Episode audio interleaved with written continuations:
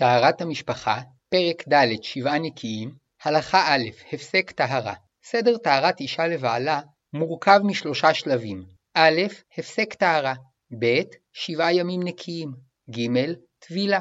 כאשר האישה מעריכה שפסק דמה, תבדוק את עצמה בדיקה יסודית שנקראת הפסק טהרה. אם הבדיקה יצאה נקייה מדם, יתברר שנפסק דמה, וכאשר תשקע החמה, תוכל להתחיל בספירת היום הראשון לשבעת הימים הנקיים. בלא בדיקת הפסק טהרה, גם אם בפועל פסקו דמיה, לא יצא מחזקת רוע דם, ואינה יכולה להתחיל לספור שבעה נקיים. הזמן המובחר לבדיקת הפסק טהרה הוא סמוך לשקיעת החמה, וכל שבודקת את עצמה פחות משעתיים וחצי לפני השקיעה, עדיין נחשבת כבודקת בזמן המובחר. אבל אם שקעה החמה, כבר התחיל היום הבא, ורק למחרת בשקיעה תוכל להתחיל את שבעת הנקיים. לכן, אישה שחוששת שמא תשכח לבדוק את עצמה בשעתיים וחצי הסמוכות לשקיעת החמה, או שתהיה במקום שלא תוכל לבדוק את עצמה, מוטב שתבצע את הפסק הטהרה בבוקר ובצהריים, מאשר תנסה להדר לקיים את הבדיקה בזמן המובחר, תוך סיכון שאולי תפסיד את היום. רק במקרה נדיר שיבואר בהערה, חובה לבדוק סמוך לשקיעה. טהרת המשפחה, פרק ד', הלכה ב', הכנות להפסק טהרה. בדיקת הפסק טהרה צריכה להיעשות בבד רך ולבן, כדי שאם נותר דם בנרתיק, הוא ייראה על הבד. אין לבדוק בממחטת נייר לבנה, טישו, שמא תתפורר או תיקרע והבדיקה תתקלקל. אמנם בשעת הדחק שאין פתרון אחר, אפשר לבדוק בה תוך זהירות שלא תיקרע. רגילים לקרוא לבדים שבודקים בהם עדי בדיקה, והם נמכרים במרכולים, וכבר בימי התלמוד נהגו למכור בדים לבדיקה. לפני בדיקת הפסק טהרה, יש לנקות את תוך הנרתיק משיירי דם בעזרת בד רטוב כגון עד בדיקה, כי לעתים הדימום מהרחם כבר פסק, אבל נותרו בנרתיק שיירי דם, ובלא ניקוים, הבדיקה לא תצא טובה. החוששת שאם תבדוק בבד יבש תפסע את הנרתיק, תוכל ללכלח מעט את עד הבדיקה, ובתנאי שלא יהיה ממש רטוב, שמא הרטיבות תמוסס ותעלים טיפת דם. כמו כן, תוכל למשוח את הנרתיק בשמן, ובתנאי שתעשה זאת זמן מה לפני הבדיקה, כדי שהשמן יספיק להיספג באור הנרתיק, ולא יחפה על הדם. טוב לנקות לפני בדיקת הפסק טהרה את סביבות אותו מקום עם מגבון או מים, כדי להבטיח שלא נותרו שם שיירי דם ולכלוך, שעלולים לעורר ספקות לגבי הבדיקה. וכן טוב לנקות את האצבעות ולהסתכל שאין עליהן שיירי אודם וכדומה. טהרת המשפחה, ד. הלכה ג' צורת הבדיקה. כדי לבצע את הבדיקה צריך לעטוף את האצבע בעד, להכניס אותה לעומק הנרתיק כפי האפשר בלא מאמץ, ולבדוק בנחת בחורים ובסדקים. היינו להצמיד את העד לכל צידי הנרתיק, כך שגם אם יש דם בכפלים שבנרתיק, הוא ייראה על העד. לאחר הבדיקה תתבונן בעד. אם יש עליו דם, הבדיקה נפסלה. אם אין עליו אחד מצבעי הדם הטמאים, גם אם יש עליו הפרשות בצבע אחר, הבדיקה כשרה ותוכל להתחיל בספירת שבעת הנקיים. אם נמצא על העד דם או ספק דם, כדאי לנקות שוב את הנרתיק עם בד רטוב, ועוד לפני השקיעה לנסות לפסוק שוב בטהרה, כדי להתחיל בשקיעת החמה את שבעת הנקיים. לכן כדאי לקיים את בדיקת הפסק הטהרה מספיק זמן לפני השקיעה, כדי שבמקרה הצורך יישאר זמן עבור ניקוי נוסף ובדיקה חוזרת. מי שאינה יכולה להכניס את האצבע לתוך הנרתיק, כגון בתולה, תבדוק עם העד עד מקום הבתולים. כמו כן, אישה שיש לה בנרתיק פצע שעלול לדמם בעת הבדיקה, תבדוק עד מקום הפצע, שהעיקר הוא שתבדוק כפי האפשר לה. טהרת המשפחה, ד. הלכה ד. מוח דחוק לאחר הפסק טהרה. מנהג הידור ישנו לנשים, שבנוסף לבדיקת הפסק טהרה, מקיימות גם בדיקת מוח דחוק בבין השמשות, כלומר, מניחות עד בדיקה בנרתיק, שיהיה דחוק שם מלפני השקיעה ועד לאחר צאת הכוכבים, כדי שתדע בלא שום ספק שאכן פסק דמה. זמן שקיעת החמה מפורסם בלוחות, ולכתחילה יש להשהות את המוח קרוב לחצי שעה. אמנם מוסכם שמנהג מוח דחוק הוא מנהג הידור שאינו מעכב. טהרת המשפחה, ד. הלכה ה' דין פולטת שכבת זרע. לקראת מעמד הר סיני, הצטוו ישראל היו נכונים לשלושת ימים, אל תיגשו אל אישה. בערו חכמים שבשלושת הימים שלאחר החיבור נפלט מהנרתיק זרע שבכוחו להוליד, ולכן אובדנו מלווה בטומאה. וכדי שגם הנשים יקבלו את התורה בטהרה, נצטוו הגברים לפרוש מנשותיהם שלושה ימים. כמו כן הורו חכמים שבני זוג שקיימו חיבור, ולאחר זמן ראתה האישה דם ונטמעה, גם אם פסק דמה לזוב, כל עוד יש אפשרות שתפלוט מן הנרתיק שכבת זרע שבכוחה להוליד, אינה יכולה להתחיל לספור שבעה נקיים, מפני ששבעת הימים צריכים להיות נקיים גם מפליטת שכבת זרע. אבל לאחר שלוש יממות, 72 שעות, מהחיבור, הזרע כבר מאבד את חיוניותו, ופליטתו אינה סותרת את ספירת שבעת הנקיים. שתי שיטות עיקריות ישנן בדין ההגבלות הנגזרות מהלכה זו, שיטת השולחן ערוך ושיטת הרמה. לשיטת השולחן ערוך, לאחר שלוש יממות מהחיבור, אפשר להתחיל לספור שבעה נקיים. אולם כיוון שבפועל שלוש היממות נפרסות על ארבעה ימים, רק לאחר סיום היום הרביעי, אפשר להתחיל את שבעת הימים הנקיים. כלומר, אם החיבור היה ביום ראשון, בין בתחילתו בליל ראשון שהוא מוצאי שבת, ובין בסופו לפני השקיעה, שלוש היממות יסתיימו בסוף יום רביעי, ושבעת הימים הנקיים יתחילו בליל חמישי. ואף אם הדימום נמשך שעה אחת בלבד, אין להתחיל שבעה נקיים לפני כן, שמא תפלוט שכבת זרע.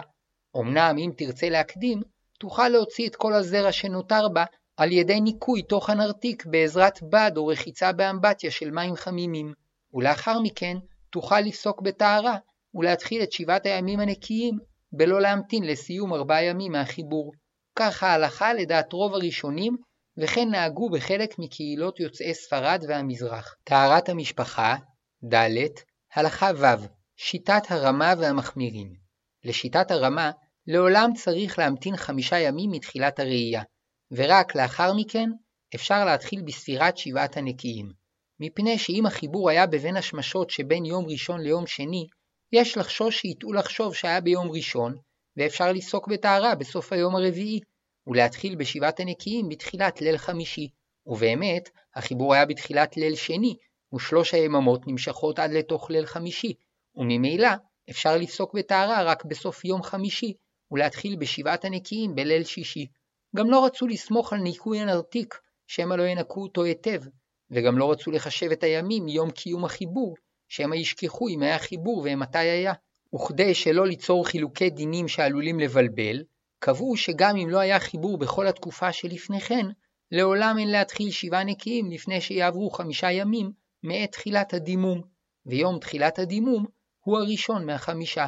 היו קהילות שבהן נהגו להחמיר יותר, והתחילו לספור שבעה נקיים רק לאחר שישה או שבעה ימים מתחילת ראיית הדם, ואף שאין לכך מקור בהלכה, כפי הנראה, כיוון שאצל נשים רבות דימום הווסת נמשך יותר מחמישה ימים, והיו נשים שלא ביצעו כהלכה את בדיקת הפסק טהרה, והתחילו לספור שבעה נקיים לפני שהדימום נפסק לחלוטין, קבעו גדר שלא יתחילו בשבעה נקיים לפני שיעברו שישה או שבעה ימים מתחילת הווסת.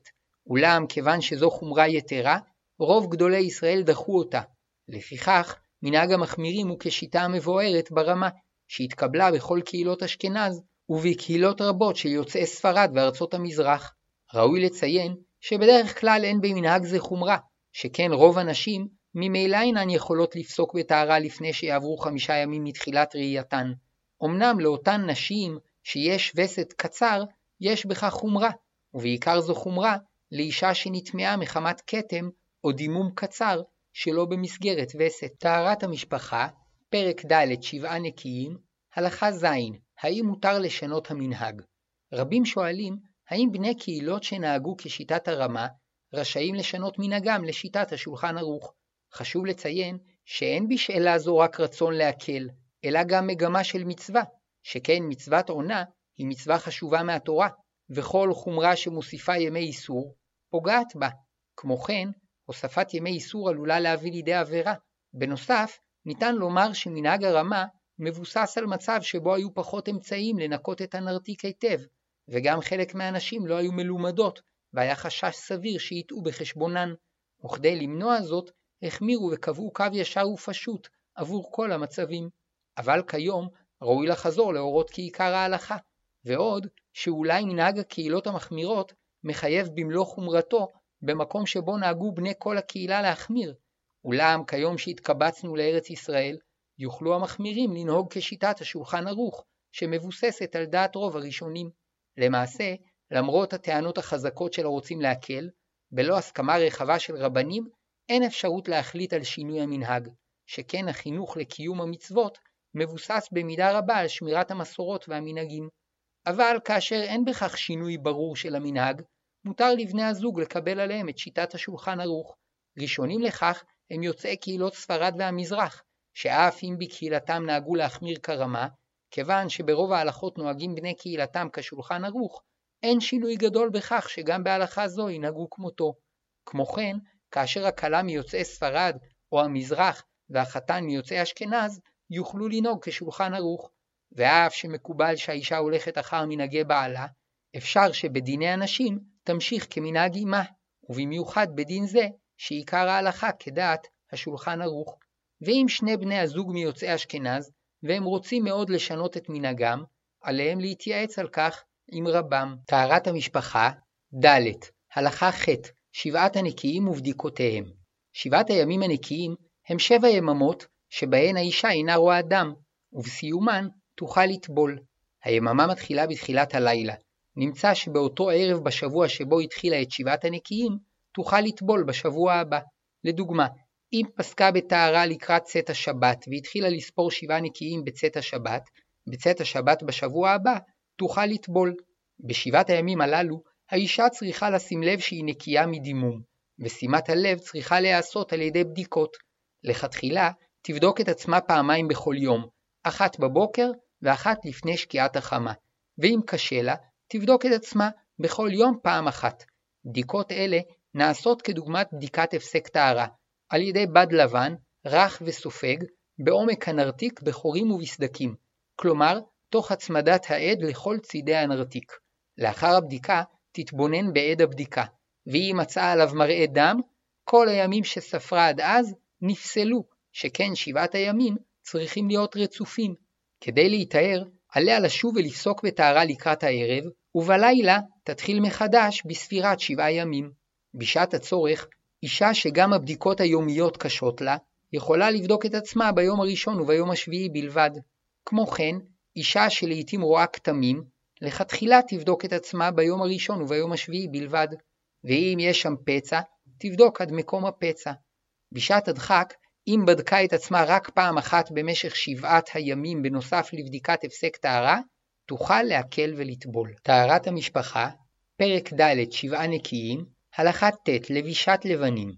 לאחר בדיקת הפסק טהרה, תלבש תחתונים נקיים שאין עליהם כתמי דם.